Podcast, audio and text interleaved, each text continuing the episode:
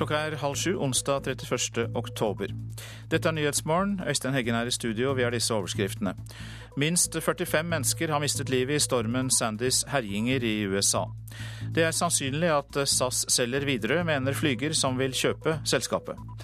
Det er usolidarisk av fagorganiserte å kreve reforhandling av EØS-avtalen når Europa er nede for telling, mener LO-topper. Og det har vært en dobling av eh, antall redningsaksjoner fra Norsk Folkehjelp og Røde Kors de siste fem årene. Nesten alle de aksjonene vi ble kalt ut på, de kunne vært forebygget. De kunne vært unngått eh, hvis eh, folk hadde tenkt seg litt om. Leder for Nasjonal beredskap og hjelpekorps i Røde Kors, Lars Atle Skorpen. Minst 45 mennesker har mistet livet i stormen Sandys herjinger i USA. Millioner av hjem og bedrifter mangler fremdeles strøm.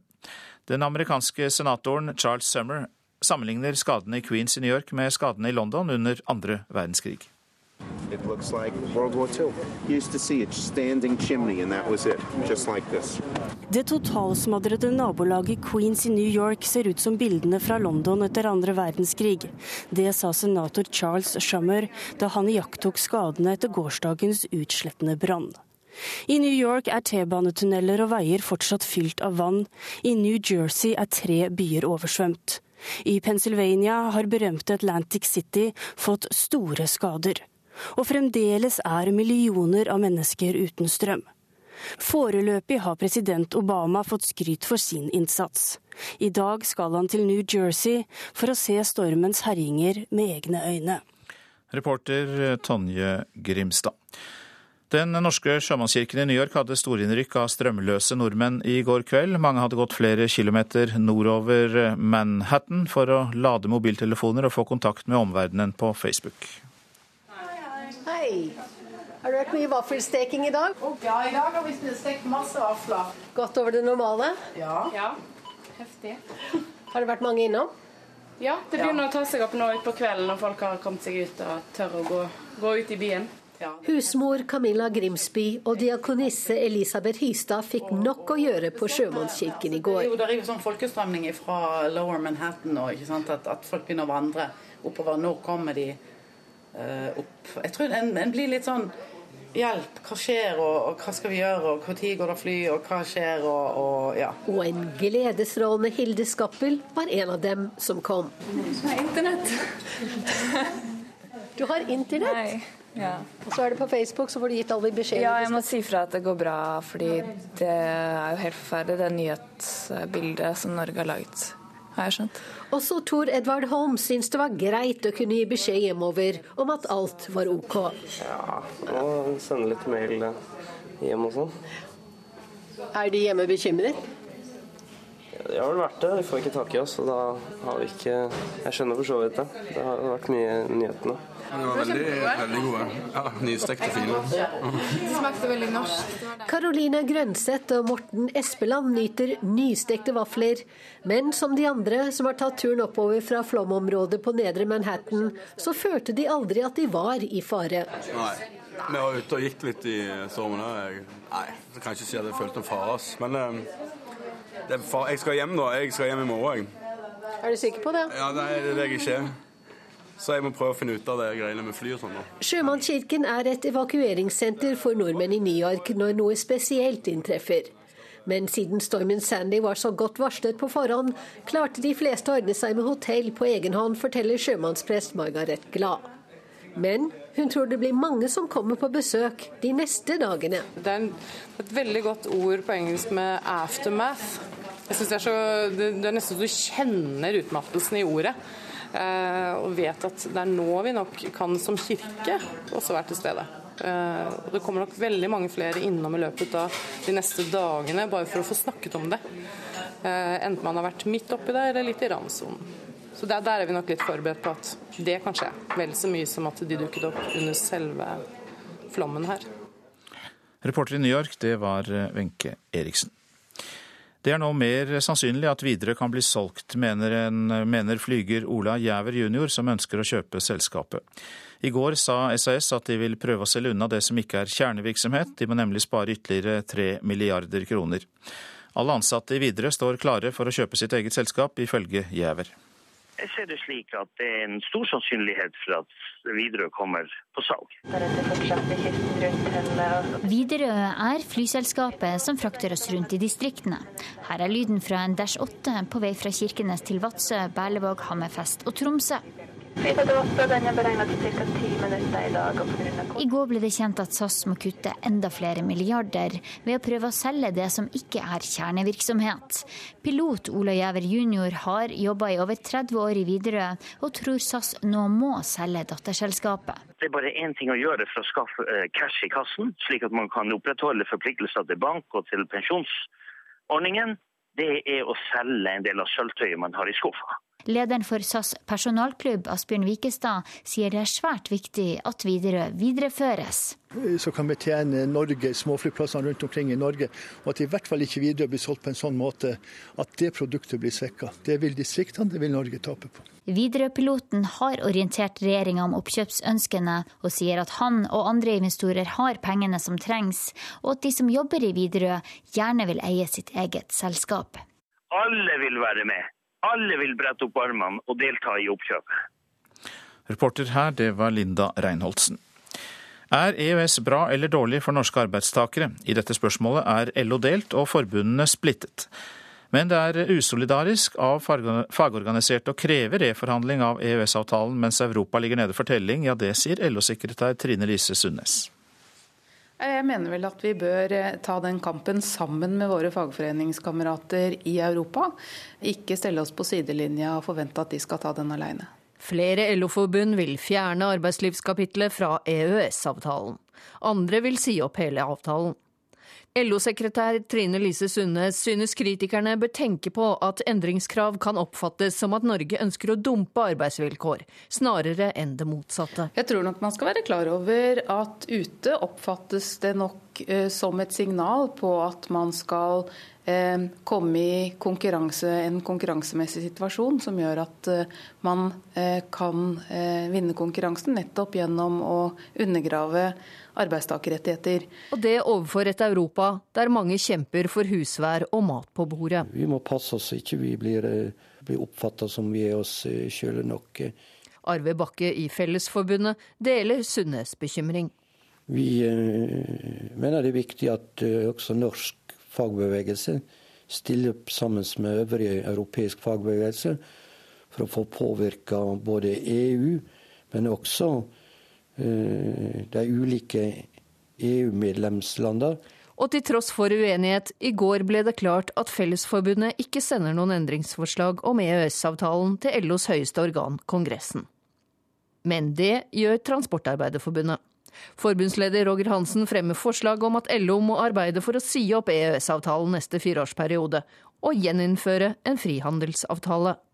Hansen er likevel enig med LO-toppen Trine Lise Sundnes. Ja, noen vil kunne hevde det at det er uh, usolidarisk uh, både å si nei til EØS-avtalen og trekke seg ut av den, og å si nei til arbeidslivskapitlet.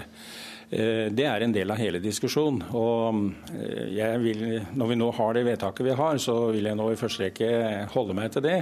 Men jeg ser poengene med å stille den type spørsmål, ja. Fagforbundets leder Jan Davidsen mener likevel det er mulig å finne løsninger på EØS-saken på LO-kongressen neste år, som gagner norske arbeidstakere, men uten å gå løs på EØS-avtalen. Det er viktig at vi har stabilitet i, i forholdet til omverdenen.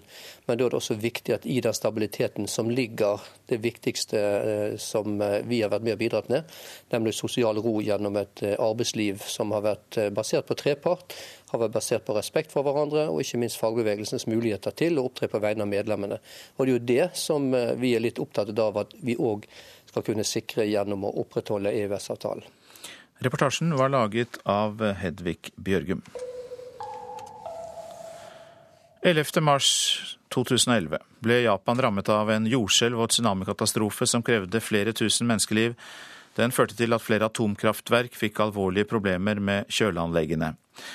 Asia-korrespondent Anders Magnus, du var i Japan for halvannet år siden og dekket katastrofen. Du er tilbake i Japan nå, du er i Tokyo. Hvordan har landet taklet denne enorme katastrofen? Veldig dårlig, synes eh, mange japanere, og særlig politikerne får eh, fryktelig mye kritikk.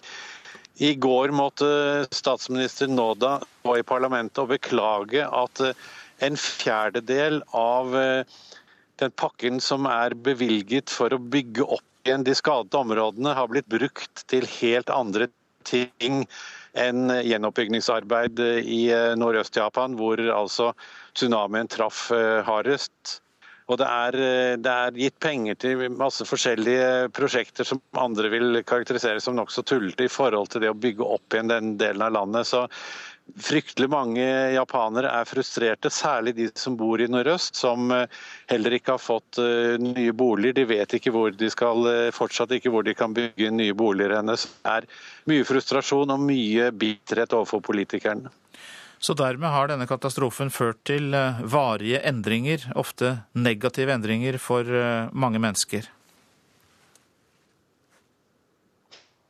Absolutt. Det har fått uh, veldig mange som ikke har jobb lenger, fordi at uh, de jobbet kanskje i fiskeriene. Havnene er ikke bygget opp igjen. De har ikke noe sted å ha båter. De har egentlig heller ikke uh, fått penger til å investere i nye fiskebåter.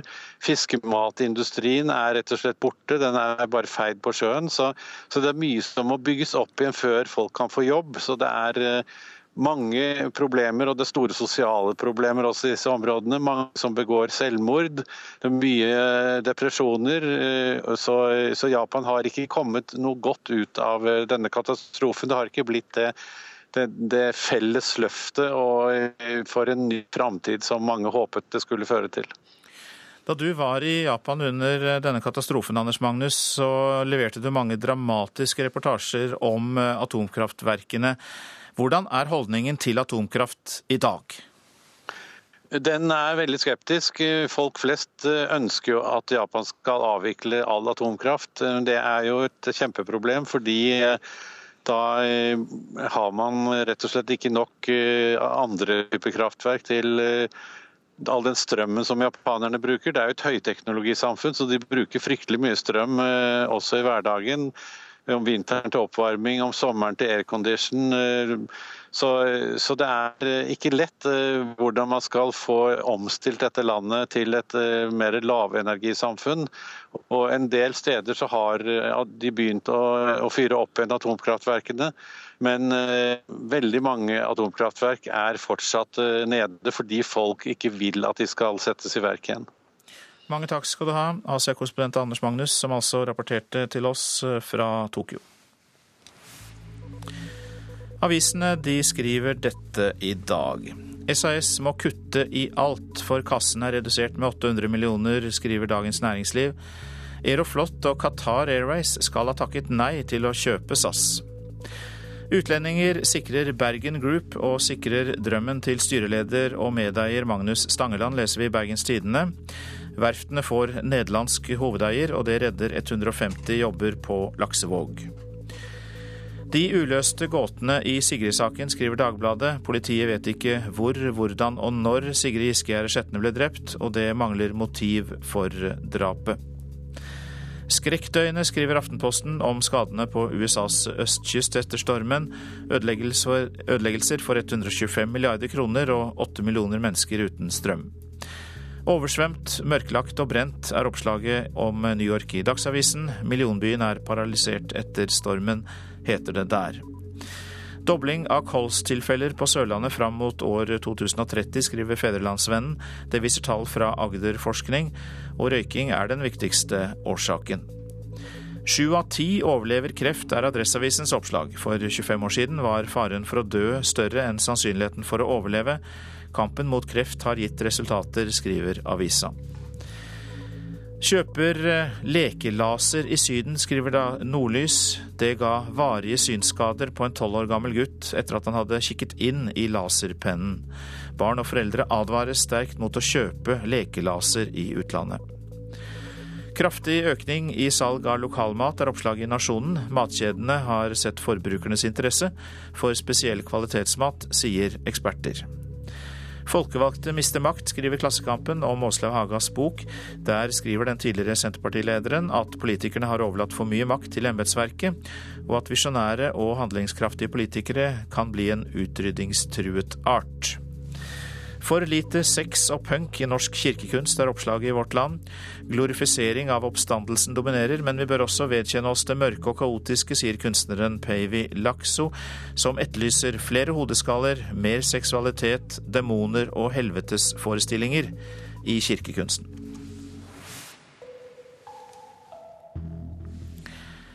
Kampfiksing er i ferd med å bli mer alvorlig for idretten enn doping. Det sa leder i Hordaland idrettskrets Oddvar Johan Jensen da han orienterte idrettsministeren og resten av Arbeiderpartiets programkomité i går. Styremedlemmet i Idrettsforbundet mener idretten nå trenger hjelp for å bekjempe kriminelle bakmenn. Grunnen til at vi må ta det så alvorlig, det er jo det skadepotensialet vi ser at det har. Hvis du plasserer dette inn i et europeisk perspektiv og overfører det til Norge, så skjer det veldig mye mer enn det vi vet. Selv om Oddvar Johan Jensen ikke kjenner til mistanker om kampfiksing i idretten i Hordaland, ser han ikke bort ifra at fenomenet har eksistert også lokalt. I går informerte han programkomiteen i Arbeiderpartiet om situasjonen for idretten. Han mener kampfiksing er det kanskje mest alvorlige trugsmålet så er dette en vesentlig større utfordring enn doping. En kjenner per i dag ikke til kampfiksing i norsk idrett. Det slo idrettsmeldinga som ble overlevert Stortinget 8.6 fast. En måned senere var det klart for alle og enhver at det neppe stemte. Fire spillere sikta for å ha fiksa fotballkamper. Det var helt klart at de spillere som er sikta i saken, på ingen måte ville være aktuelle for kamp. Kultur- og idrettsminister Hadia Tajik fra Arbeiderpartiet lover at regjeringa før jul vil ha på plass en nasjonal handlingsplan mot det en mente ikke eksisterte et halvt år tidligere. Men hun vil i dag ikke si noe om tiltakene. Jeg er glad for den jobben som idretten gjør, men òg fra Kulturdepartementet sin side så vil vi stille med en handlingsplan mot kampfiksing, eh, sånn at vi forener våre krefter i dette arbeidet. Hva er de viktigste tiltakene, sånn som du ser? Eh, handlingsplanen mot kampfiksing vil bli lagt fram før jul, eh, og da vil vi komme tilbake til tiltakene på det området. Jensen kjenner til idrettsledere langt nedover i systemet, som har nekta spillere og ledere å gå ut med informasjon om bl.a. laguttak og skader, i frykt for at dette vært brukt for å forutse utfallet av kamper. Ingen informasjon ut om verken det ene eller det andre. Det var relativt langt nede i systemet. Hvilken som helst del av idretten er like sårbar.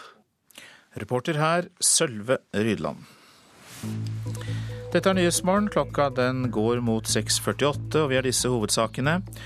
Minst 45 mennesker mistet livet i stormen Sandys herjinger i USA.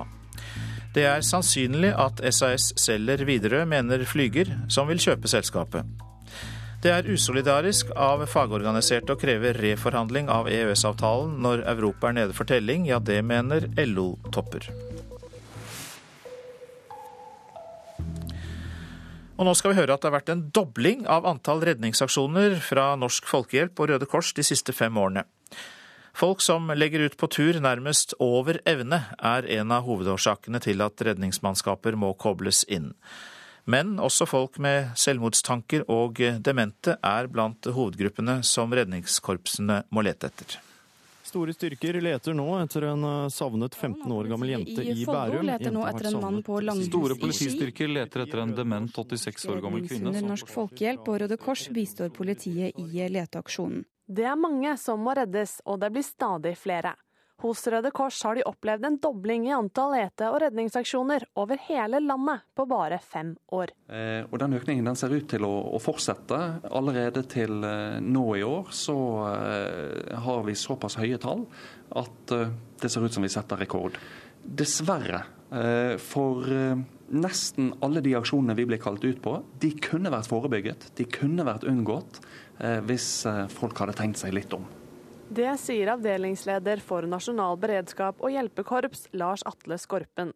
De siste årene har Røde Kors hatt rundt 1000 redningsaksjoner i året. Det tror de skyldes at de frivillige organisasjonene blir koblet kjappere inn enn før når noen forsvinner. Jeg tror eh, folk er blitt flinkere til å, varsle, eh, og det, det er veldig bra. Men folk forsvinner også mer enn før. I tillegg til at det er flere søk etter suicidale og demente, er det flere som trenger hjelp når de er ute på tur.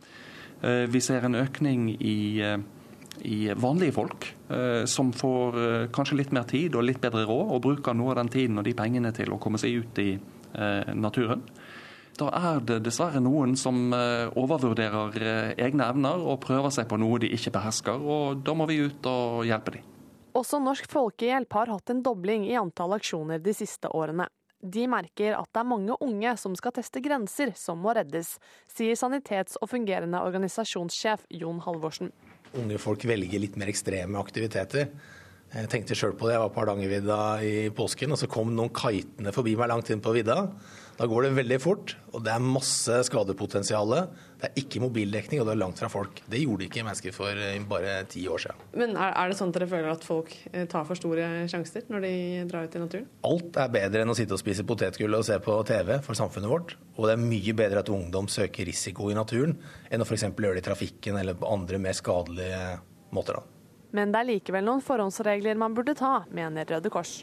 Du får en veldig mye bedre tur hvis du legger den opp etter det du vet du kan klare. Og Hvis du har lyst til å flytte de grensene, eh, så gjør det gjerne sammen med noen som har mer greie på det enn deg sjøl. Eh, ta kontakt med en turgruppe, ta kontakt med et Røde Kors-lag. Eh, gå på et kurs. Kompetanse må ikke undervurderes. Reporter var Pernille Vegheim Dvergedal. Nå litt om åndemaning. Ja, for ordføreren i Tromsø mener at avisa Nordlys bør skamme seg. Den har nemlig hatt førstesideoppslag om spøkelser og åndemaning i stedet for den nordnorske virkelighet. Ordføreren er redd for at avisas journalistikk kan skade landsdelens omdømme. Nordlys har fortalt historier om et kjøpesenter og om det samiske nasjonalteatret, som begge skal ha vært plaget av det overnaturlige. Eh, noen har hørt eh, skritt Uh, sett bevegelser hvor det ikke skal være noen. Haukur Gunnarsson er teatersjef på det samiske nasjonalteatret. Og så er det noen som også har hørt uh, et piano spille av seg selv. Et piano som var lagret på et, uh, på et lagerrom hvor ingen kan ha vært.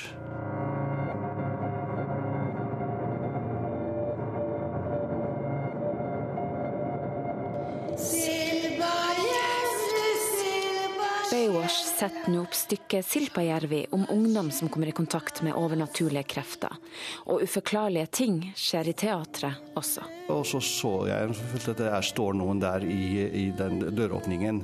Uh, for det var noen bevegelse der, men når jeg så bort, så var det ingenting. Men kan det være et spøkelse? Det kan være det. Altså, jeg tror at altså, Jeg er sikker på at det finnes jo mer. Eh, det finnes mye uh, som, ikke, som ikke tilhører vår forklarlige virkelighet. Ordfører i Tromsø, Jens Johan Hjort, ser på historien om Beivars. Ber om hjelp, for de er plaget av uforklarlige hendelser. Og Nordlys forside, som har provosert. Kirurg ved UNN. Jeg kan helbrede og fordrive onde ånder. Ei forside forteller at på en kafé på Jekta kjøpesenter har en mann vist seg, for så å forsvinne i løse lufta. Et medium har to ganger forsøkt å rense kafeen. Ordføreren reagerer på Twitter. Der ligger den. Uh, Nordlys andre åndemanningsforside på to dager. Skam dere. La oss heller fokusere på nordnorsk virkelighet.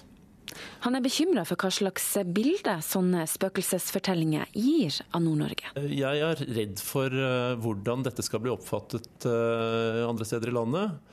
Det, det, tegner et bilde av at vi dyrker det uvirkelige.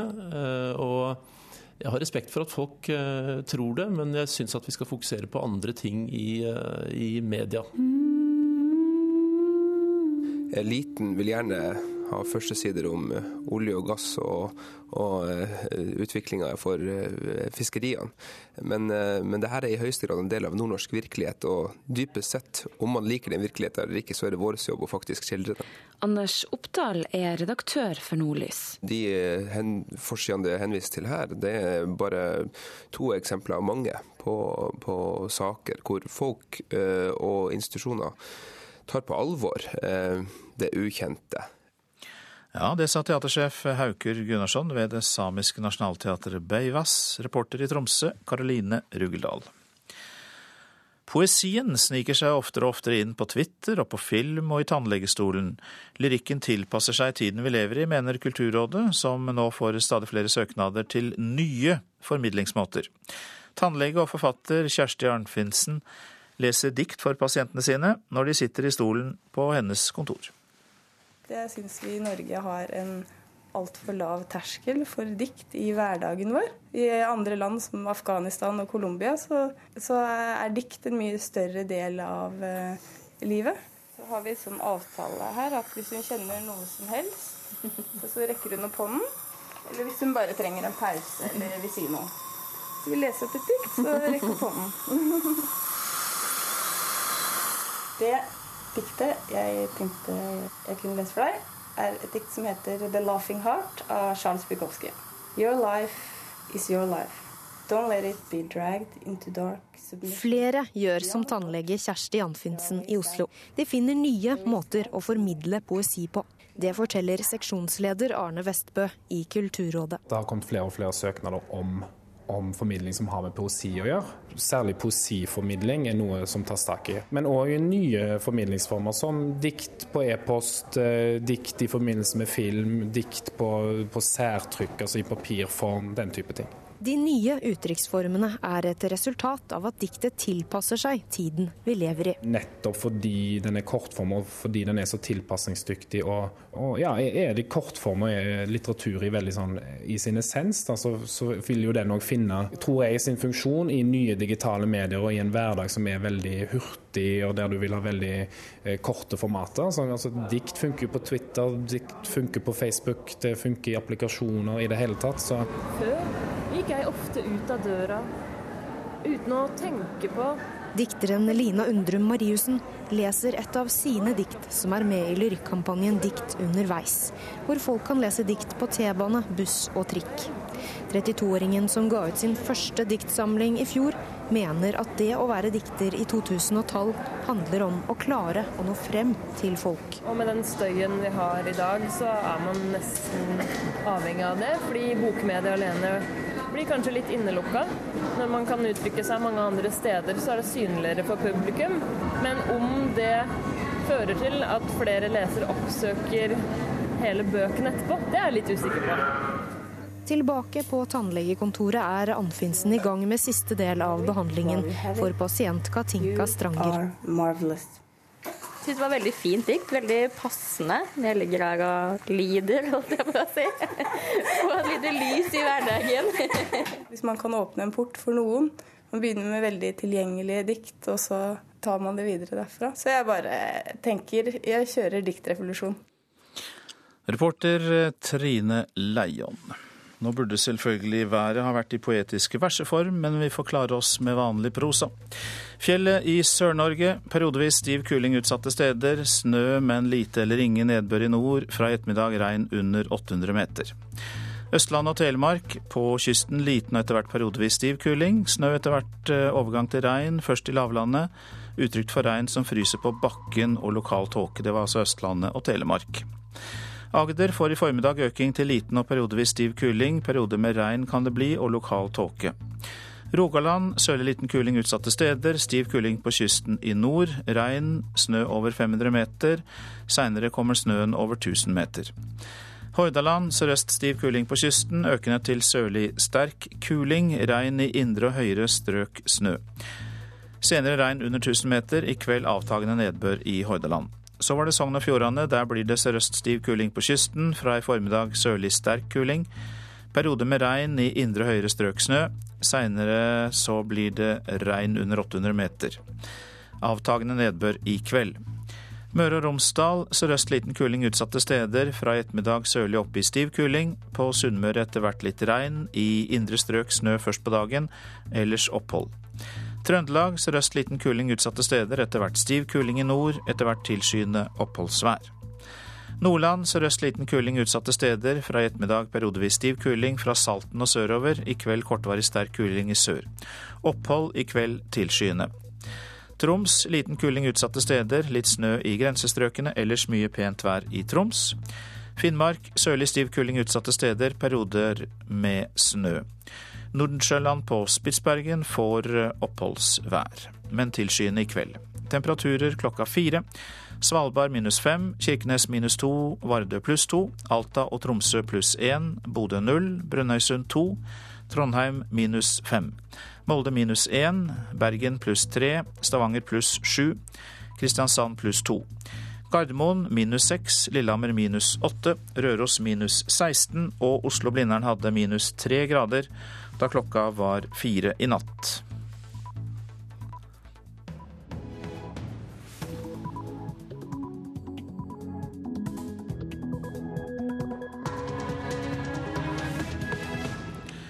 Klokka er sju, dette er Nyhetsmorgen. Vi tar for oss uh, hovedsakene i nyhetene.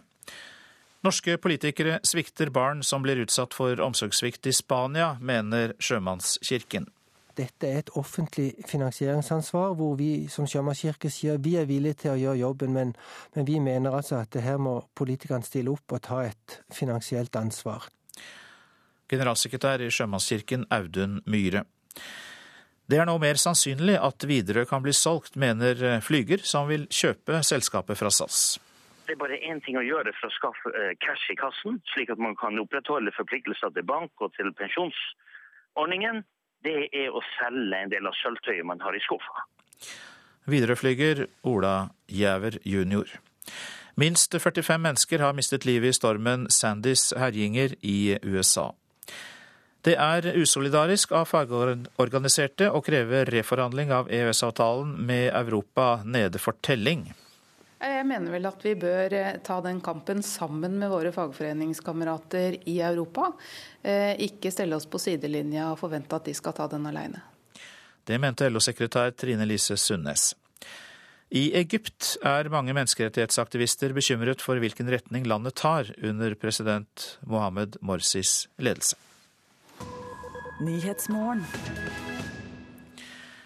Norske politikere lukker øynene for norske barn som blir utsatt for omsorgssvikt i Spania. Det mener Sjømannskirken der, som i løpet av de siste fem årene har hjulpet 29 barn hjem til Norge. Flere av foreldrene har rømt fra det norske barnevernet, sier generalsekretær Audun Myhre. Stortinget og norske politikere har vært opptatt av å gi et tydelig melding om at nordmenn som reiser utenlands, må klare seg på egen hånd. Men disse barna som vi her snakker om, de velger ikke å reise utenlands. De tas med utenlands. Og eh, da oppstår det ei gråsone i forhold til, til, de som kan klare seg sjøl, de voksne, og disse som ikke velger å reise utenlands, og som ikke er i stand til å ta ansvar for seg sjøl. Noen barn må krysse landegrensa i foreldres flukt fra norsk barnevern. For andre starter omsorgssvikta i det nye landet. Det kan jo handle om så elementære ting som at ikke de får tilstrekkelig med, eh, med mat og pleie. Det handler eh, om omsorg. 29 barn har kommet tilbake til Norge ved hjelp av Sjømannskirka de siste fem åra. Vi har fått eh, hjelp i to konkrete saker. To saker som var veldig alvorlige. Sier Eirik Saltnes, barnevernsleder i Halden. De er en av kommunene som har fått hjelp av kyrkja til å finne en familie i Spania, skaffe dem overnatting, mat, klær og billetter hjem. I det andre tilfellet så var eh, Sjømannskirken behjelpelig med å holde kontakt med et lite barn som måtte plasseres i spansk barnehjem.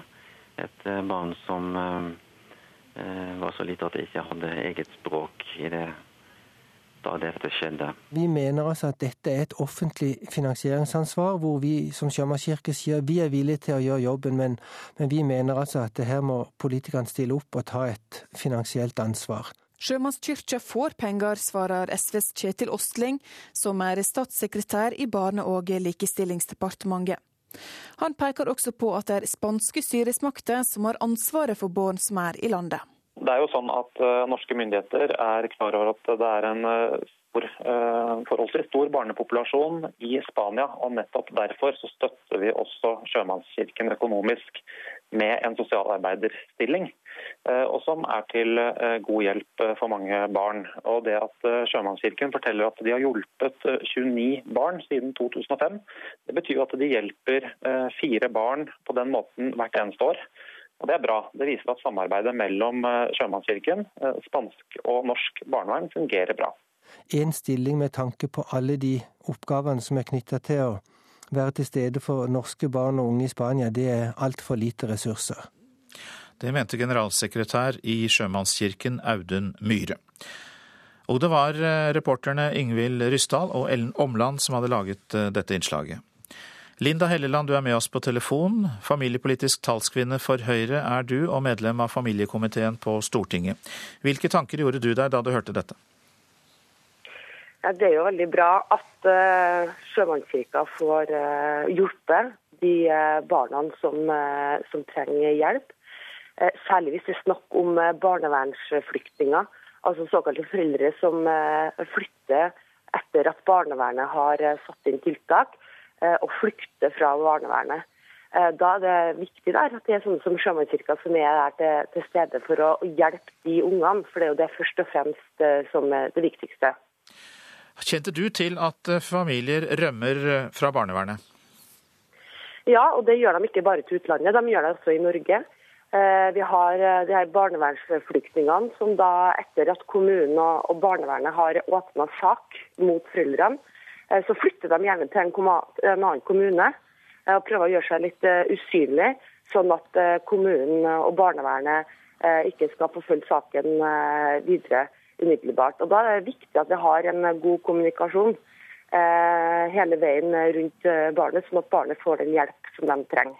Men som vi hørte her, så er det vel strengt tatt spanske myndigheter som har ansvaret for barn som bor i deres land.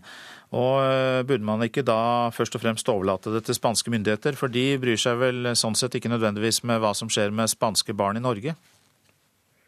Jo, I det tilfellet her så, så er det jo det, men det er jo, det er jo bra at uh, Sjømannskirka har uh, muligheter til å følge opp de ungene som, uh, som norske unger som kommer til, til Spania. Særlig de tilfellene hvor barnevernet allerede har Eh, åpna en sak, og det er åpenbart at eh, barna blir utsatt for eh, omsorgssvikt, så, så, er det viktig den jobben som Sjømannskirka gjør, og det setter vi stor, stor, pris på. Vil du gi dem mer penger, slik de nå ber om? Ja, det her er jo et finansieringsspørsmål, og jeg skjønner jo at det er en fortvilt situasjon for dem. Fordi at de ser at de kanskje ikke strekker å klare å gi den, den hjelpa som som faktisk eh, ungene eh, kanskje trenger i en sånn eh, vanskelig situasjon. Hva vil, gjøre, hva vil, du gjøre, med saken politisk, da? Dette er jo et budsjettspørsmål. Så mulighetene for at Sjømannskirka skal få økte midler, det er noe vi må diskutere på, på Stortinget. Du kommer til å ta det opp i Stortinget? Ja, vi kommer til å diskutere det i Høyre. Hvordan vi I hele tida er vi opptatt av at Sjømannskirka har eh, tilstrekkelig eh, med midler. og Dette er også en, eh, en, side av saken som har kommet opp nå, som gjør at vi, vi skal se på saken. Takk skal du ha. Dette gjaldt altså Sjømannskirken, som hjelper å få barn hjem til Norge igjen etter at familiene har rømt fra barnevernet. Takk skal du ha, Linda Helleland, familiepolitisk talskvinne for Høyre. Minst 45 mennesker mistet livet i stormen Sandys herjinger i USA. Millioner av hjem og bedrifter mangler fremdeles strøm. Men folk har begynt å rydde opp for å få byen tilbake til det normale igjen, forteller reporter Wenche Eriksen fra New York. Den begynner å fungere eh, over store deler av Manhattan nå i kveld. Eh, amerikansk tid så er folk ute i gatene igjen. Restauranter og butikker har begynt å åpne igjen, og det ser helt normalt ut. Men lenger nede på Manhattan, i de områdene som er eh, helt sør der, eh, så er det ikke strøm. Det er ikke telefonforbindelse, ikke mobilforbindelse, og det er helt mørkt. Og det kan ta mange dager før de får strømmen tilbake der. Så der er det store ødeleggelser. Det er mange hus som er, er oversvømmet med vann. Og ikke minst eh, T-banesystemet, hvor eh, på en stasjon så er vannet helt opp i taket. Eh, det er snakk om saltvann, og det kan ta opptil en uke før dette vanligvis så fantastiske T-banesystemet i New York kan begynne å gå som normalt igjen. Nå har jo dette rammet eh, mer enn New York. Hvis vi ser dette samlet, eh, hvor omfattende er skadene? De verste skadene er i delstaten New Jersey. De ble veldig hardt rammet av eh, orkanen eh, Sandy. Eh, et forsikringsselskap anslår at når det gjelder hele området her, så er det kanskje materielle skader for 90 milliarder kroner. 42 mennesker er døde som følge av denne stormen. I New Jersey er det noen beskrev båter som de fant fem kvartaler fra, fra havet. altså De er blitt skylt inn i land så mye. Det er eh, hus og områder som er overstrømmet og hus som har rast sammen. Eh, også eh, i New York det, var det en brann hvor 80 hus brant ned. Du besøkte også sjømannskirken i New York, og hva fortalte de der? Der var det en eh, ti-tolv unge eh, nordmenn som bor helt sør på Manhattan. De hadde tatt seg den lange turen, og gått selvfølgelig, for det var ikke noe offentlig transport. Eh, kommet opp dit for å lade iPhone, for å ringe hjem og si at det var i orden, for de var litt bekymret for at foreldrene deres ikke hadde fått vite at alt var helt OK med dem. Sjømannspresten regner med at de dagene som kommer, så vil det komme mange flere til kirken for å snakke om det de har vært gjennom. Det er et veldig godt ord på engelsk med 'aftermath'. Jeg synes det, er så, det, er nesten så du kjenner utmattelsen i ordet. Eh, og vet at det er nå vi nok kan som kirke også være til stede. Eh, og det kommer nok veldig mange flere innom i løpet av de neste dagene bare for å få snakket om det. Eh, enten man har vært midt oppi det eller litt i randsonen. Sjømannsprest Margaret Glad i New York. Kinesiske myndigheter er fortsatt uh, irritert på Norge fordi dissidenten Liu Xiaobo fikk Nobels fredspris. Det bekrefter en av de assisterende kinesiske utenriksministrene da han snakket med internasjonale journalister. Det skjedde i forbindelse med jubelen over at den svenske nobelkomiteen ga den kinesiske forfatteren Mo Yan uh, Nobels litteraturpris. Kinesiske myndigheter mener altså at Norge må jobbe for å forbedre sitt forhold til uh, Kina. I Nigeria drepte en gruppe væpnede ranere 20 mennesker i en landsby, det melder myndighetene. Massakren fant sted i delstaten Samfara i den nordlige delen av Nigeria. En lokal høvding bønnfalte angriperne om å slutte å skyte, men han ble i stedet selv drept. En person ble drept da politiet åpnet ild mot ytterliggående islamister i Tunisias hovedstad Tunis eh, tirsdag. Det opplyser en sikkerhetskilde. Politiet skal ha skutt etter at de radikale muslimene, også kalt salafister, gikk til angrep på en eh, politistasjon. Det er nå mer sannsynlig at Widerøe kan bli solgt, mener eh, flygeren som ønsker å kjøpe selskapet. I går sa SAS at de vil prøve å selge unna det som ikke er kjernevirksomhet, for selskapet må spare ytterligere tre milliarder kroner. Alle ansatte i Widerøe står klare til å kjøpe eget selskap, eh, ifølge flyger Ola Jæver jr. Selvfølgelig, Når vi jobber med å skulle kjøpe Widerøe, så ser jeg den børsmeldinga og har jo tyda den ganske nøye. og jeg ser det slik at det er en stor sannsynlighet for at Widerøe kommer på salg. Widerøe er flyselskapet som frakter oss rundt i distriktene. Her er lyden fra en Dash 8 på vei fra Kirkenes til Vadsø, Berlevåg, Hammerfest og Tromsø. I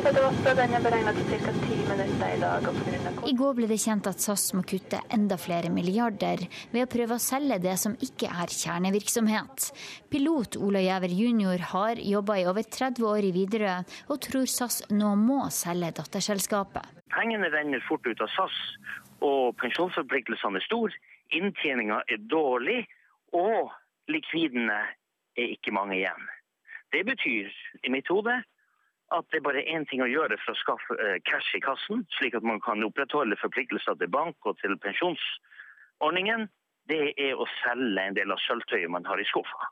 Prisen på sølvtøyet kan ifølge Berlinske Tidene ligge på rundt 1 milliard, avhengig av hvilke avtaler som gjøres. Lederen for SAS personalklubb, Asbjørn Wikestad, sier det er svært viktig at Widerøe videreføres. Det som er viktig for Widerøe, det er at eh, myndighetene alle ser til at vi har et Widerøe som kan betjene, som kan betjene Norge, småflyplassene rundt omkring i Norge. Og at i hvert fall ikke Widerøe blir solgt på en sånn måte at det produktet blir svekka. Det vil distriktene, det vil Norge tape på. De ansatte i Widerøe frykter at selskapet kan komme på feil hender, eller dras ned i dragsuget i en eventuell konkurs. Det er jo ikke ønskelig. sånn at hvis det verst tenkelig skulle skje, så måtte man ha løfta videre ut av SAS i god tid. Widerøe-piloten har orientert regjeringa om oppkjøpsønskene, og sier at han og andre investorer har pengene som trengs, og at de som jobber i Widerøe gjerne vil eie sitt eget selskap. Alle vil være med. Alle vil brette opp armene og delta i oppkjøpet. Alle 1400 ansatte? Alle. Jeg har ennå ikke møtt én som sier nei. Men det er faktisk noen som lurer på om de har penger nok, og da sier jeg det handler ikke om penger. Det handler om å si ja, dette går vi for, vi har pågangsmot, vi tar utfordringa og vi kjøper selskapet. Ja, før vi hørte Widerøe-fly der, så snakket uh, Ola Jæver jr., som sammen med andre ansatte ønsker å kjøpe selskapet. Reporter Linda Reinholdsen. Klokka den er kvart over sju der, og vi har disse hovedsakene. Norske politikere svikter barn som blir utsatt for omsorgssvikt i Spania, mener Sjømannskirken. Det er nå mer sannsynlig at Widerøe kan bli solgt, hevder Flyger, som vil kjøpe selskapet. Det hørte vi altså nettopp. Og usolidarisk av fagorganiserte å kreve reforhandlinger av EØS-avtalen med Europa nede for telling, det sier LO-topper. I Egypt er mange menneskerettighetsaktivister bekymret for hvilken retning landet tar under president Mohammed Morsis ledelse. Presidenten, som kommer fra Det muslimske brorskap, gjør ingenting for å bedre situasjonen. Det er en krig mot ytringsfriheten, sier Mustafa Shat ved Cairo Institute for Human Rights, da han snakket med vår reporter. Uh, well, I think that the main problems uh, that the 100 Days Plan have, has revealed were, were the problems that uh, encountered the main Mustafa Shat er bekymret. Vi treffer han sammen med hans kollega Farida Makar på hovedkontoret til Cairo Institute for Human Rights. Begge jobber på organisasjonens Egypt-program, som nylig ga ut sin vurdering av situasjonen her i landet etter 100 dager med president Mohammed Morsi. Uh,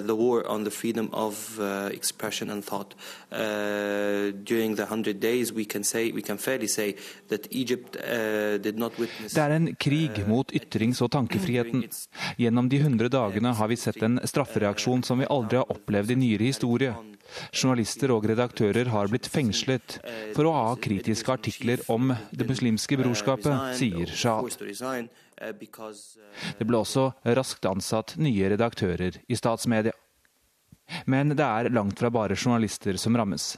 Den siste tiden har det gått hardere utover vanlige folk, gjerne knyttet til ytringer på sosiale medier. To kristne barn ble tiltalt for å ha fornærmet islam sør i landet.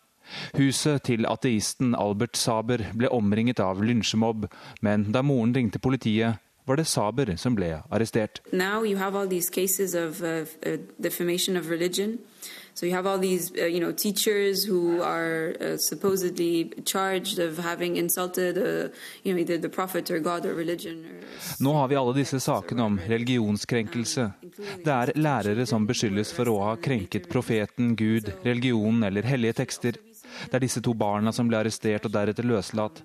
Alt dette må også ses i sammenheng med ytringsfriheten, sier Farida Makar.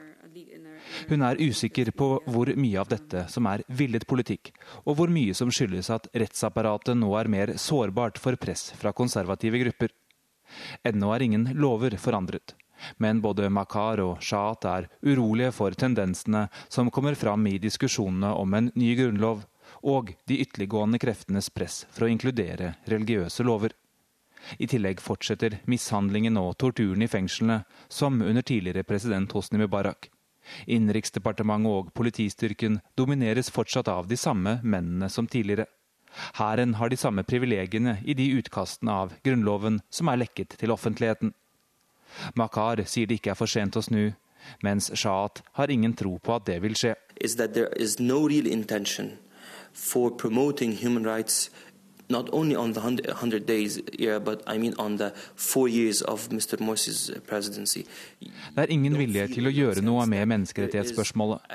Ikke bare gjelder det de første 100 dagene, men under alle de fire årene med Morsi, mener han.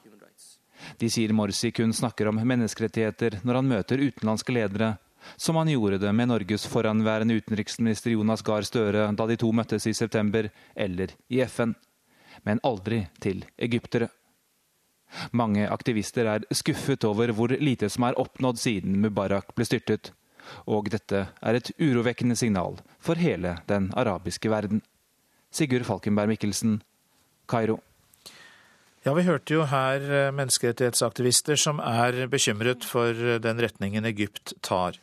Du har fulgt utviklingen, sosialantropolog og seniorforsker ved Christian Michelsens institutt i Bergen, Fissa Nagib. Du er med oss eh, fra studio der. Hvor bekymret er du? Ja, det er fremdeles, akkurat som Falkenberg Mikkelsen peker på, brudd på menneskerettigheter. Og det går, folk er skuffet, og det går for seint. Um, hvis vi skulle tilbake, så var den arabiske våren var jo troen på at folk kan gjøre store endringer. Og det var store forventninger til at uh, ting skulle endres. Uh, folk tenkte at hvis de kan få bort diktatoriske regimer, så kan de få bort uh, alt. Så har du, akkurat som Falkenberg Mikkelsen pekte på, en, i Egypt er det en regime som prøver å stable på beina et skjørt byråkrati. Eh, det tar tid. Eh, fra utsiden kan vi si at demokratiske prosesser Et år, halvannet år er kort tid i demokratisk prosess, men det er veldig lang tid for folk som har vært torturert, eh, som har levd vanskelig liv, og som har ventet veldig lenge og er utålmodig for, for, for endring. Særlig blant, blant unge folk. Det altså den, det dokumentaren eh, Falkenberg Mikkelsen viser til at det er eh, mange som blir tatt og torturert. og det er, eh, det er Blant de er de fleste unge folk. Majoriteten i regionen er under 30 år. Hva skal til for, de, å få, for å få til en mer demokratisk utvikling, tror du? Eh, du, må, eh, altså, du må ha, Folket må, må være med i, eh, i, de endringene. De må, de må se at, at det, er, det, er, en fremtid. Og en ting som er viktig å få fram her, det er en demokratisk endring som jeg nevnte tar tid. Men folk har lært å mobilisere. Så de, de, har, de, de, har, en demokratisk oppfatning. De vet hva som skal til. Eh, men, eh, men det, er, det, er, skuffende at de klarer ikke å få det til under, under Morsi. Og det var veldig store forhåpninger med Det muslimske brorskap, fordi de var selv fengslet. De har selv vært gjennom en, en diktatorisk regime. Eh, så, så, der er det folk som, um, som hadde forventet eh, bedre um, en bedre regime under, eh, under muslimsk brorskap. Samtidig så ser vi at statsmaktene er splittet. Du har, du har veldig mange interesser, ikke bare blant uh, muslimske, uh, muslimske brorskap in, uh, internt, men også blant de liberale. De liberale også har ikke klart å fullføre den drømmen folk har hatt. Det er veldig mye konflikt og interesser innad i de partiene. Det er altså en krevende utvikling og vanskelig å forutsi hvor Egypt går, om det går i mer demokratisk retning eller ikke. Mange takk for at du var med oss eh, fra Bergen, seniorforsker ved Christian Michelsens institutt, eh, Nefisa Nagib. Så til det avisene skriver i dag. SAS må kutte i alt, for kassen er redusert med 800 millioner kroner, skriver Dagens Næringsliv. Flyselskapene Aeroflot og Qatar Airways skal ha takket nei til å kjøpe SAS. Utlendinger sikrer Bergen Group og sikrer drømmen til styreleder og medeier Magnus Stangeland, leser vi i Bergens Tidende. Verftene får nederlandsk hovedeier og har reddet 150 jobber på Laksevåg. De uløste gåtene i Sigrid-saken, skriver Dagbladet. Politiet vet ikke hvor, hvordan og når Sigrid Giskegjerde Skjetne ble drept, og det mangler motiv for drapet. Slik fant jeg SMS-ene, skriver VG, som har snakket med Kripos-ingeniør Olav Tolo. Han forteller hvordan han klarte å finne de slettede SMS-ene mellom overgrepstiltalte Rune Øygard og jenta. Skrekkdøgnet, skriver Aftenposten om skadene på USAs østkyst etter stormen. Ødeleggelser for 125 milliarder kroner, og åtte millioner mennesker er uten strøm. Oversvømt, mørklagt og brent, det er oppslaget om New York i Dagsavisen. Millionbyen er paralysert etter stormen. Dobling av kolstilfeller på Sørlandet fram mot år 2030, skriver Federlandsvennen. Det viser tall fra Agderforskning, og røyking er den viktigste årsaken. Sju av ti overlever kreft, er Adresseavisens oppslag. For 25 år siden var faren for å dø større enn sannsynligheten for å overleve. Kampen mot kreft har gitt resultater, skriver avisa. Kjøpte lekelaser i Syden, skriver Nordlys. Det ga varige synsskader på en tolv år gammel gutt etter at han hadde kikket inn i laserpennen. Barn og foreldre advares mot å kjøpe lekelaser i utlandet. Kraftig økning i salg av lokalmat er oppslaget i Nasjonen. Matkjedene har sett forbrukernes interesse for slik mat, sier eksperter. Folkevalgte mister makt, skriver Klassekampen om Åslaug Hagas bok. Der skriver den tidligere Senterpartilederen at politikerne har overlatt for mye makt til embetsverket, og at visjonære og handlingskraftige politikere kan bli en utryddingstruet art. For lite sex og punk i kirkekunsten er oppslaget i Vårt Land. Glorifisering av oppstandelsen dominerer.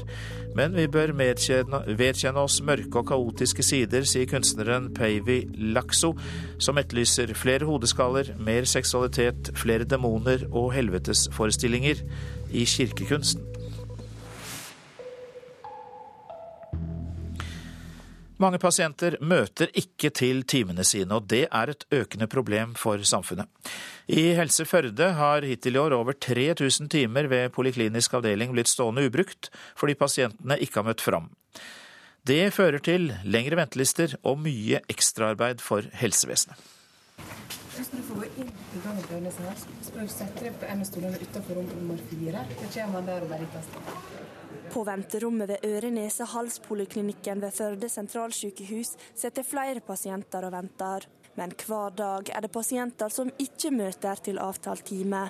Dette får konsekvenser både for ansatte og andre pasienter, sier fungerende avdelingssjef Einar Solheim. Når da en pasient ikke møter, så betyr det at eh, han kunne vært brukt av en annen og I tillegg så må vi da bruke tid på å finne ut hvor mye haster at vi kaller denne pasienten inn igjen eh, og gir henne en ny time.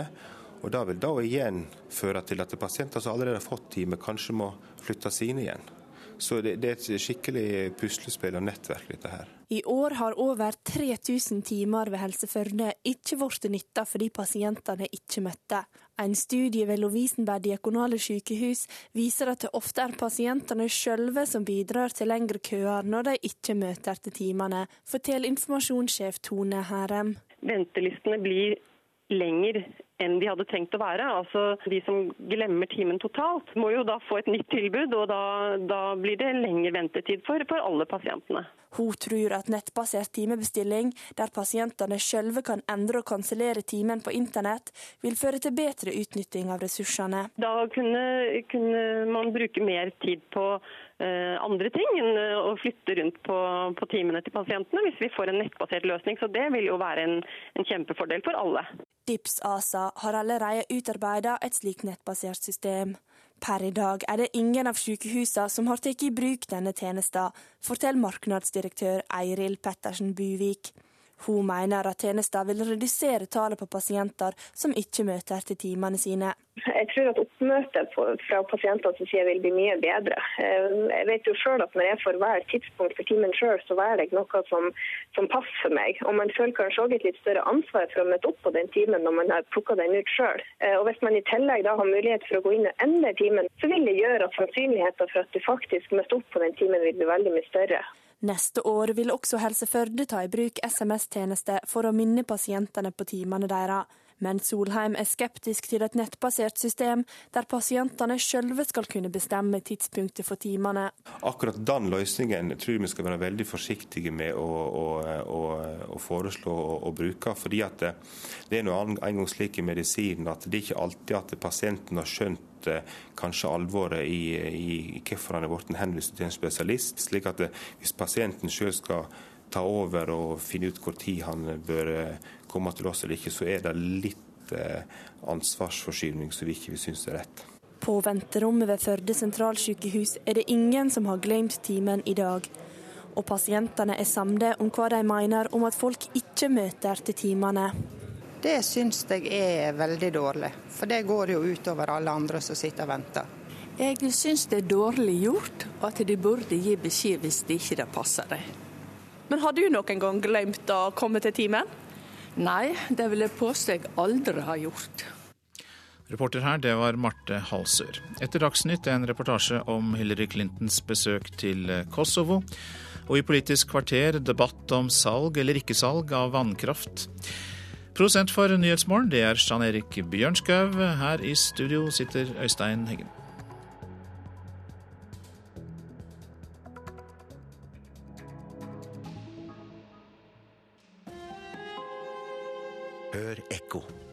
Det var de andre som gjorde det. Vi? Nei, vi dreiv ikke med sånt. Det var de andre som var villige til å gjøre alt for å vinne. Vi bare vant. I dag vet vi hva doping er. Hvorfor har vi trodd så godt om oss selv? Ekko 9 11 i NRK P2.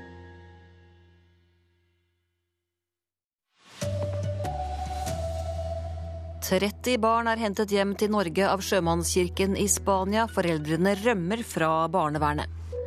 President Obama besøker orkanområdene i dag. 50 mennesker er funnet døde til nå. Og Drillo har mest tro på at Molde tar seriegullet i fotball. Her er NRK Dagsnytt klokka er 7.30. Nesten 30 barn er blitt hjulpet hjem til Norge fra Spania av Sjømannskirken de siste fem årene. Flere av foreldrene har tatt barna med seg til Spania for å slippe unna barnevernet. Generalsekretær i Sjømannskirken, Audun Myhre, mener at politikerne lukker øynene for norske barn som blir utsatt for omsorgssvikt i utlandet. Stortinget og norske politikere har vært opptatt av å gi et tydelig melding om at nordmenn som reiser utenlands må klare seg på egen hånd. Men disse barna som vi her snakker om, de velger ikke å reise utenlands. Noen barn må krysse landegrensa i foreldres flukt fra norsk barnevern. For andre starter omsorgssvikta i det nye landet. Det kan jo handle om så elementære ting som at ikke de får tilstrekkelig med, eh, med mat og pleie. Det handler eh, om omsorg. 29 barn har kommet tilbake til Norge ved hjelp av Sjømannskirka de siste fem åra. Vi har fått uh, hjelp i to uh, konkrete saker. To saker uh, som var veldig alvorlige. Sier Eirik Saltnes, barnevernsleder i Halden. De er en av kommunene som har fått hjelp av kyrkja til å finne en familie i Spania, skaffe dem overnatting, mat, klær og billetter hjem. I det andre tilfellet så var Sjømannskirken behjelpelig med å holde kontakt med et lite barn som måtte plasseres i spansk barnehjem. Et eh, barn som eh, eh, var så lite at det ikke hadde eget språk i det da dette skjedde. Vi mener altså at dette er et offentlig finansieringsansvar, hvor vi som Sjømannskirke sier vi er villige til å gjøre jobben, men, men vi mener altså at her må politikerne stille opp og ta et finansielt ansvar. Reportere var Ingvild Ryssdal og Ellen Omland. Og Sjømannskirken får penger, det svarer SVs Kjetil Ostling, som er statssekretær i Barne- og likestillingsdepartementet. Kirken mener det er langt fra nok for å gi barna den hjelpen de trenger, men departementet sier at de ikke kan love mer penger. Norske myndigheter er klar over at det er en eh, stor, eh, forholdsvis stor barnepopulasjon i Spania. og Nettopp derfor så støtter vi også Sjømannskirken økonomisk med en sosialarbeiderstilling. Eh, og som er til eh, god hjelp eh, for mange barn. Og det at Sjømannskirken forteller at de har hjulpet 29 barn siden 2005, det betyr at de hjelper fire barn på den måten hvert eneste år. Og Det er bra. Det viser at samarbeidet mellom Sjømannskirken, spansk og norsk barnevern fungerer bra. USAs president Barack Obama er ventet til katastrofeområdet i New Jersey senere i dag. I går ble tre byer oversvømt etter at en demning brast eh, pga. stormen Sandy. Totalt er over 50 mennesker døde på den amerikanske østkysten i det voldsomme uværet. Vann overalt. De måtte ta båter til hjelp, redningsarbeiderne som i går evakuerte de oversvømte byene Monarki og Little Ferry. Folk var takknemlige, utslitte og opprørte. Fryseren veltet, senga fløt, og det gjorde også min helt nye sofa, sier en oppgitt kvinne.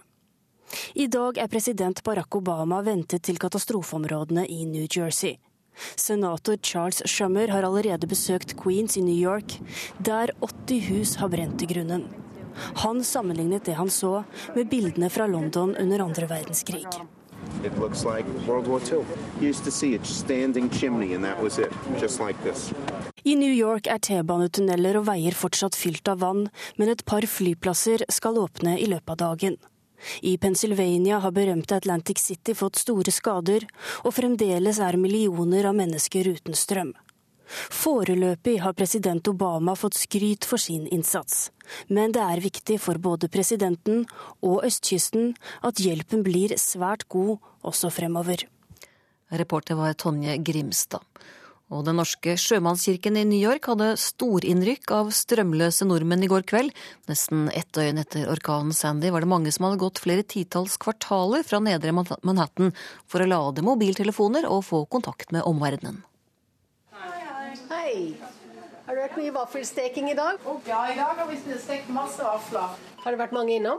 Ja, det begynner å ta seg opp nå utpå kvelden når folk har kommet seg ut og tør å gå, gå ut i byen. Husmor Camilla Grimsby og diakonisse Elisabeth Hystad fikk nok å gjøre på Sjømannskirken i går. Jo, det er jo sånn folkestrømning fra Lower Manhattan nå. Og en gledesrålende Hilde Skappel var en av dem som kom. Internett. Også Tor Edvard Holm syns det var greit å kunne gi beskjed hjemover om at alt var OK. Ja, må sende litt mail hjem og sånn. Er de hjemme bekymret? Det har vel vært det. Vi får ikke tak i oss. og da, Jeg skjønner for så vidt det. Det har vært mye i nyhetene. Smakte veldig norsk. Karoline Grønseth og Morten Espeland nyter nystekte vafler, men som de andre som har tatt turen oppover fra flomområdet på nedre Manhattan, så følte de aldri at de var i fare. Nei. Vi var ute og gikk litt i stormen her. Nei, jeg kan ikke si at jeg følte noen fare. Men eh, jeg skal hjem nå. Jeg skal hjem i morgen. jeg. Er du sikker på det? Ja, nei, det er jeg ikke. Sjømannskirken er et evakueringssenter for nordmenn i New York når noe spesielt inntreffer. Men siden stormen Sandy var så godt varslet på forhånd, klarte de fleste å ordne seg med hotell på egen hånd, forteller sjømannsprest Margaret Glad. Men hun tror det blir mange som kommer på besøk de neste dagene. Det kommer nok veldig mange flere innom i løpet av de neste dagene, bare for å få snakket om det. Reporter i New York er Wenche Eriksen. Kina er fortsatt sinte på Norge etter at den kinesiske dissidenten og skribenten Liu Chebo fikk Nobels fredspris for to år siden. Det sier den assisterende utenriksministeren Ma Chahu. Politikeren snakket med internasjonale journalister fordi myndighetene nå gleder seg over at den kinesiske forfatteren Mo Yan har fått Nobels litteraturpris. Myndighetene i Kina mener det er opp til Norge å forbedre forholdet til Kina, sier ministeren. Det er nå mer sannsynlig at Widerøe kan bli solgt, det mener Flyger som vil kjøpe selskapet. I går sa SAS at de vil forsøke å selge unna det som ikke er kjernevirksomhet. De må spare enda tre milliarder kroner. Alle de ansatte i Widerøe står klare til å overta sitt eget selskap, ifølge flyger Ola Gjæver jr. Jeg ser det slik at det er en stor sannsynlighet for at Widerøe kommer på salg. Widerøe er flyselskapet som frakter oss rundt i distriktene. Her er lyden fra en Dash 8 på vei fra Kirkenes til Vadsø, Berlevåg, Hammerfest og Tromsø. I går ble det kjent at SAS må kutte enda flere milliarder ved å prøve å selge det som ikke er kjernevirksomhet. Pilot Ola Gjæver jr. har jobba i over 30 år i Widerøe, og tror SAS nå må selge datterselskapet. Det er bare én ting å gjøre for å skaffe eh, cash i kassen, slik at man kan opprettholde forpliktelser til bank og til pensjonsordningen. Det er å selge en del av sølvtøyet man har i skuffa. Reporter Linda Reinholdsen. Det er usolidarisk av fagorganiserte å kreve reforhandling av EØS-avtalen mens Europa ligger nede for telling. Det sier LO-sekretær Trine Lise Sundnes. Flere LO-forbund vil fjerne arbeidslivskapitlet eller hele EØS-avtalen, og LO-lederen er kritisk. Jeg mener vel at vi bør ta den kampen sammen med våre fagforeningskamerater i Europa. Ikke stelle oss på sidelinja og forvente at de skal ta den alene. Og så har vi fått en melding om at fotballtreneren Henning Berg er tilbudt jobben som manager i engelske Blackburn. Dette melder Bergs norske arbeidsgiver TV 2. Johan Olav Koss foreslår at idrettsheltene fra Lillehammer-OL forteller det de eventuelt vet om doping på 90-tallet. Skøytehelten forteller til VG at en høring vil fjerne all tvil om at norske idrettsutøvere var rene. Koss ønsker også at Bjørn Dæhlie, Bente Skari, Thomas Alsgaard og Vegard Ulvang skal være med i en slik dopinghøring. Drillo har mest ro på at Molde tar seriegullet i fotball. Molde leder serien tre poeng foran Rosenborg, og landslagssjefen mener at Molde ikke kommer til å gi fra seg ledelsen.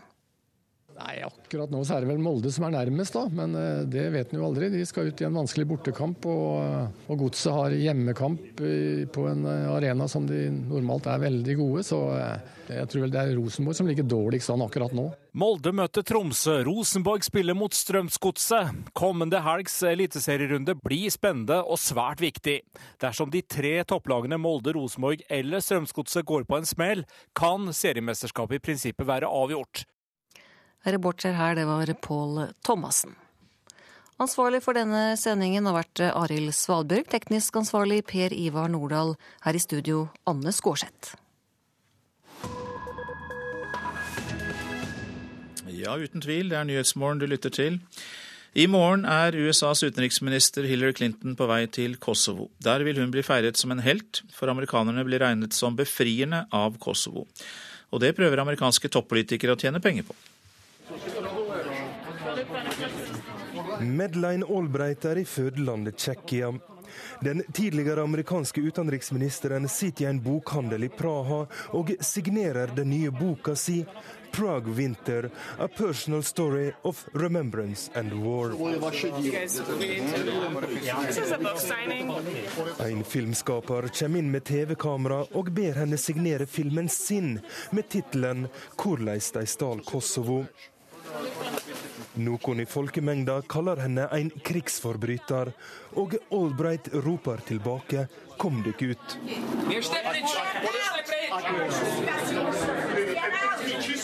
Skitne serbere, legger hun til. Som amerikansk utenriksminister var Albright en pådriver for å drive den serbiske hæren ut av Kosovo. Men den 4. oktober kom hun til Kosovo med et annet ærend for å by på det offentlige post- og teleselskapet PTK. Et kupp som kan være verdt rundt 600 millioner euro, ifølge nettstaden Bloomberg Business Week. Men tidligere ansatte fra Serbia hevder selskapet skylder de penger, og prøver nå å få en internasjonal domstol til å blokkere salet. Dette har ikke skremt styresmakten i Kosovo, som har lagt selskapet ut på anbud. Albright Management er blant fire godkjente bydere. Well, Litt over to uker senere, nærere sagt 18.10, var tidligere general Wesley Clark på besøk i Kosovo. Han ble mottatt som en helt. Som Supreme Allied Commander ledet han militæroperasjonen i 1999. I'm really happy to be back in Kosovo. Under gallamiddagen i Pristina fortalte han om ordskiftet med den serbiske presidenten Slobodan Milosevic. Said, President, if you don't pull those forces out, NATO's going to tell me to bomb you. And I'm going to bomb you good. Nå ønsker Clark løyve til å utvinne kål i Kosovo. Landet har enorme kålressurser. Det er snakk om reserver på 14 milliarder tonn brunkål. Dette er kål som forurenser svært mye. Mange av de som bor rundt kålgruvene har store helseplager. Men Clark vil ifølge den amerikanske radiostasjonen Marketplace bruke ny teknologi som ikke forurenser. It's a totally green process. Except of course you're going to use a. Right Målet er ifølge nyhetsbyrået AFP å lage 16 millioner liter syntetisk diesel om dagen. Mens miljøforkjemperne er skeptiske til prosjektet, arbeider nå politikerne i Kosovo for å endre lova, slik at Clark og det canadiske selskapet Nvidity kan sette spaden i marka hundreds of millions, maybe even billions of dollars worth of foreign direct investment. Spørsmålet blir nå om helteglorien til Albright og Clark vil verje dem mot korrupsjonen som plager Kosovo. Men Albright har vist seg som en tøff forhandler. And I have made clear to them that half a deal is no. Det er lite trulig hun vil godta halvveis avtaler 13 år seinere. Og med den statusen både hun og Wesley Clark har i Kosovo, kan det være grunn til å tro at Hillary Clinton sparker inn åpne dører når hun kommer på besøk i dag. Reporter her, Roger Severin Bruland. Dette er Nyhetsmorgen. Vi har disse hovedsakene. Minst 45 mennesker mistet livet i stormen Sandys herjinger i USA. 30 barn hentet hjem til Norge av sjømannskirken i Spania. Foreldrene hadde rømt fra barnevernet. Og det er sannsynlig at SAS selger videre, det mener Flyger, som vil kjøpe selskapet. Det er klart for Politisk kvarter, som seg høre bør på denne tiden. Og halloweendag er det også. Da spør jeg deg, Lars Nehru Sand, knask eller knep? Det er Høyre som står for knepet. KrF påpeker det hele. Spørsmålet er om vi gir bort for mye godsaker hvis utlendinger ringer på døren og vil ha vannkraften vår.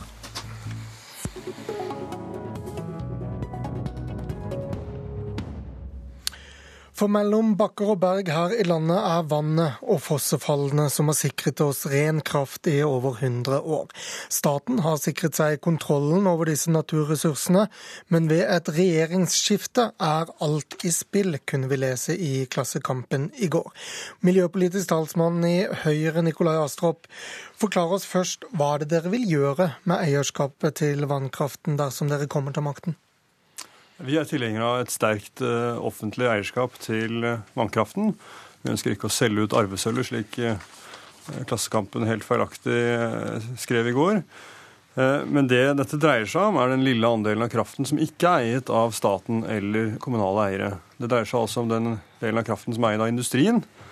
Og med den nye industrikonsesjonsloven som kom i 2008, så vil den kraften tilfalle staten når konsesjonen løper ut vederlagsfritt.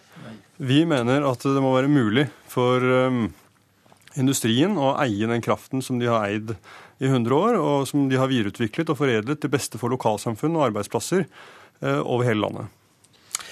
Ved din side sitter uh, Kjell Ingolf Ropstad fra Kristelig Folkeparti, som du kanskje skal sammen, samarbeide med i regjering. Er disse nyanseringene fra Astrup nok til å berolige deg, Ropstad? Jeg er veldig glad for at han nyanserer, men, men, når jeg leser programmet til Høyre og, og ser den åpne formuleringa som står i programmet, så er jeg veldig redd for hvilke konsekvenser den kan få. Og Derfor så er jo KrF opptatt av at de reglene som er fått på plass nå, de må videreføres. fordi at det sikrer nettopp at du har nasjonalt eierskap, og at alle de enorme verdiene som er nå, men òg kommer til å komme i evig framtid pga. vannkraften, de må tilfalle alle innbyggerne i landet. Og Derfor så er det jo viktig å påpeke at de, de få prosentene som Astrup snakker om, de kommer ikke til å tilfalle staten vederlagsfritt når konsesjonene går ut. De kommer til å bli solgt til markedspris tilbake igjen. Eh, eller staten må betale markedspris for dem, og det gir eh, de industribedriftene store muligheter til å kunne kjøpe seg inn i andre kraftselskap, og, dermed sikre seg eh, en, billig strøm på den måten. Så, så jeg har ikke, ikke, den samme bekymringa heller på den fronten som det Astrup har.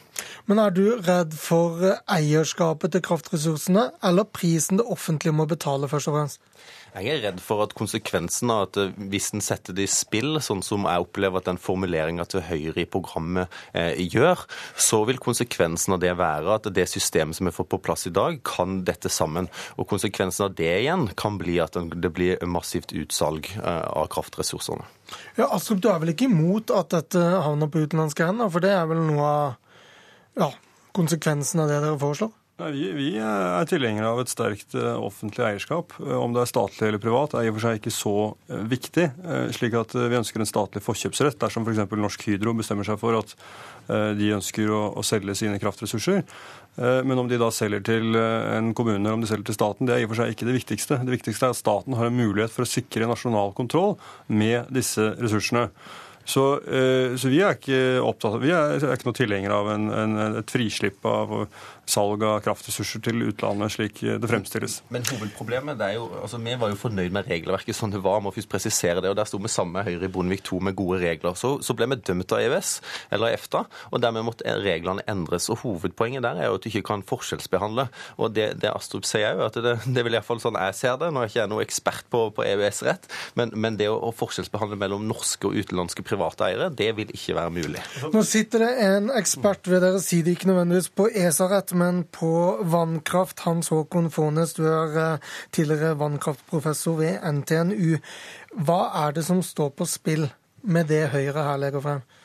Ja, Det er jo eierskapet til eh, norsk vannkraft som uh, står på spill med dette forslaget. Og det er uh, Altså, Jeg blir jo noe forvirret av å, å, å høre Astrups fremstilling av det programforslaget de har. Ja, du at, sier nærmest han tar feil her? Og... Ja, altså, Jeg vet ikke hvem som tar feil når jeg skal tolke Høyres programforslag, men der står det likestilling mellom private, kommunale og, og, og statlige eiere. Og det betyr og, altså, det, det betyr at uh, private får og da er, det ikke bare norsk industri, det er E.ON, Vattenfall, hva det måtte være, som da skal likestilles. Så det, dette her uh, er et å sette hele i, i, i, spill. Og Jeg vil også da, som min sidemann her, understreke at konsesjonslovene er ikke slik som de var opprinnelig. De ble gjort om i 2007, og nå er det da slik at de kraftverkene som Hydro og andre industribedrifter eier, de faller ikke vederlagsfritt hjem til staten, men de skal innløses til, markedspris. Og det må Høyre få med seg. Ja, mye Ava Astrup, vær så god. Ja, eh, og, og, Hvis jeg tok feil på det punktet, så, så, tar jeg selvfølgelig selvkritikk på det. Men jeg tror også det er viktig at uh, når jeg da uh, legger frem tolkningen av Høyres program, så er det den som gjelder. Uh, og, og det, det, er altså slik at vi ønsker Du har et landsmøte å ta hensyn til, da? Ja, det er helt riktig. Eh, men, eh, men, vi ønsker å ha et sterkt offentlig eierskap. og Det er jo slik at det meste av kraftressursene i Norge i dag er eid av stat eller kommune, og slik ønsker vi at det skal fortsatt være. Så Det vi snakker om, er den delen av kraften som er eid av industrien, og som har vært det gjennom 100 år, som har vært foredlet til beste for lokalsamfunn og arbeidsplasser over hele denne tidsperioden. Og vi tror også at industrien i fortsettelsen kan forvalte denne kraften på en god måte.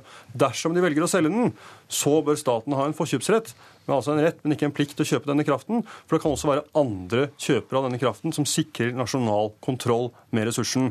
Så det er ingen grunn til å dramatisere denne situasjonen.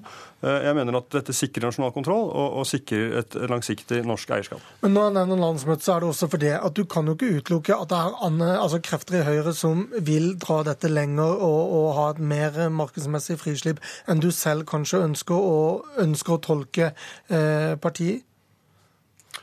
Man kan aldri utelukke noen ting på et landsmøte, det er helt riktig. Men det som ligger i denne formuleringen er, i programmet, som handler om å likestille det eh, offentlige og private eierskap, det eh, er altså en referanse til den kraften som i dag er eid privat av norsk industri, og vi ønsker at norsk industri skal fortsatt kunne eie denne kraften.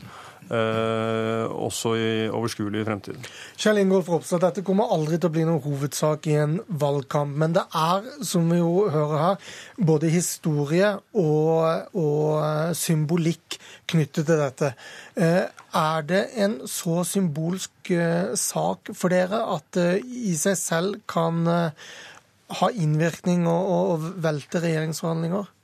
Hvis Høyre står på kravet? Jeg tror det er viktig å presisere at ledelsen heller bør ta seg av ultimatum og regjeringsforhandlinger. Det, det tror jeg ikke jeg og Astrup skal gjøre opp her i, i Politisk kvarter, men, men, det er klart at dette er en kjempeviktig sak for KrF. Det handler om, om nasjonalt eierskap. Det handler om enorme verdier som, som stender på spill, og som vi mener at må tilfalle alle. Og, og, og selv om Astrup ror litt unna programformuleringa, så, så må jeg jo minne om stortingsbehandlinga òg, som var i 2009, der, der en så primærstandpunktet til Høyre og Frp som, som skilte seg fra eh, der, eh, der, KrF og Venstre gikk sammen med regjeringspartiene, og modellen som er i dag. Og, og da er spørsmålet mitt, Kan KrF sitte i en regjering som går inn for Høyres primærstandpunkt fra den gang? Ja, De svarene kommer ikke jeg til å komme med nå, men, men det som vi i hvert fall kan være tydelige på, at her, her har vi støtte i flertall i Stortinget. Det er kun dersom det blir flertall med Høyre og Frp at det eventuelt kan endres. Og Det er derfor viktig å presisere at, at når det nærmer seg valg og når det skal dannes nye regjeringskonstellasjoner, så er det en stor vesentlig forskjell om KrF sitter i den regjeringen Solberg-regjeringa, eller om det blir Høyre og Frp alene. For vi har sett at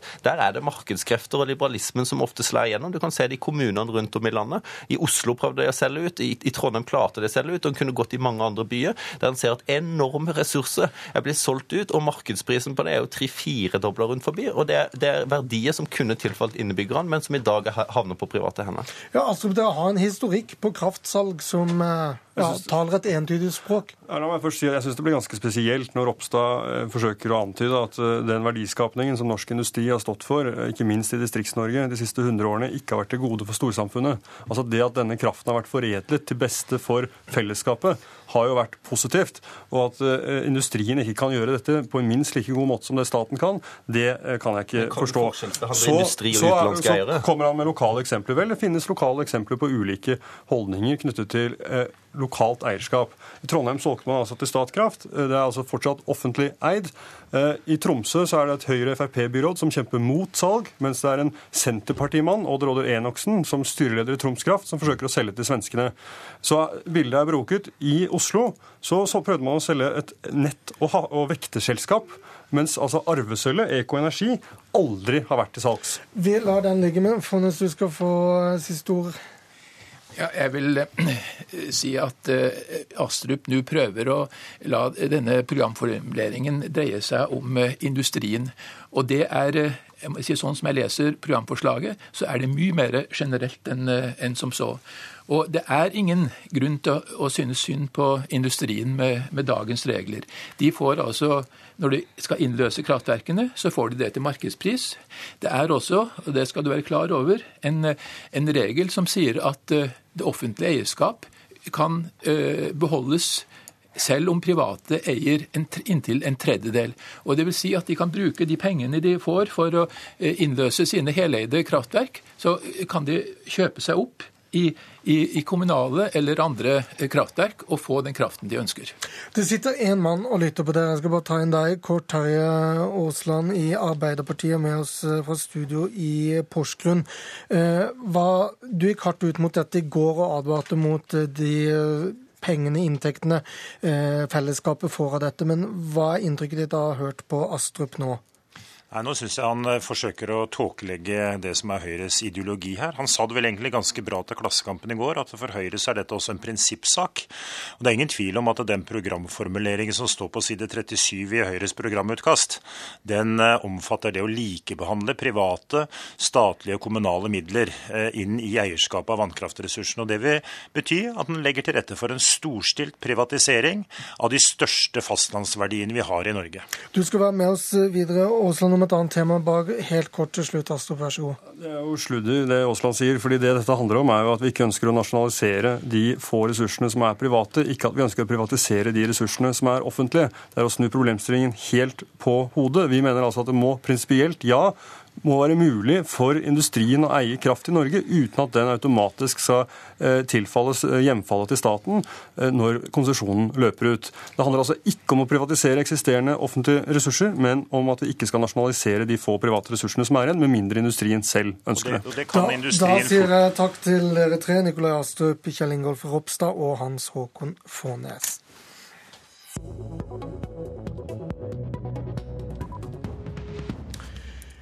Tyli Aasland er her i anledning SAS, som må kutte nye milliarder. I går ble selskapet presset til å røpe noen av målene Veien frem kommer senest for en dag neste torsdag. Eierstatene vil ikke bidra med mer penger, bankene krever sikkerhet, og nå gjennomgås alt. Bonusprogram, eiendom, flyflåte, underselskap og det mest åpenbare lønn og pensjon. Terje Aasland, du er altså næringspolitisk talsmann i Arbeiderpartiet. og Hvordan kan regjeringen nå gi en hjelpende hånd i spillet om SAS fremtid? Nei, nå tror jeg det viktigste er at uh, styret og selskapets ledelse får gjort den jobben de uh, må gjøre. Det er å sørge for at uh, SAS kommer i en posisjon hvor det igjen er muligheter til å tjene penger, og hvor en kan skal vi si, restrukturere sin posisjon i flymarkedet. Et flymarked som er knalltøft, og som, som, som, krever egentlig blodslit hver eneste dag fra de ulike aktørene i, i markedet. Den svenske avisen Dagens Industri skriver at Qatar Qatar Airways og Aeroflot begge har takket nei til å kjøpe SAS. Vil det beste for de tre landene skattebetalere nå være at eh, hele SAS blir solgt?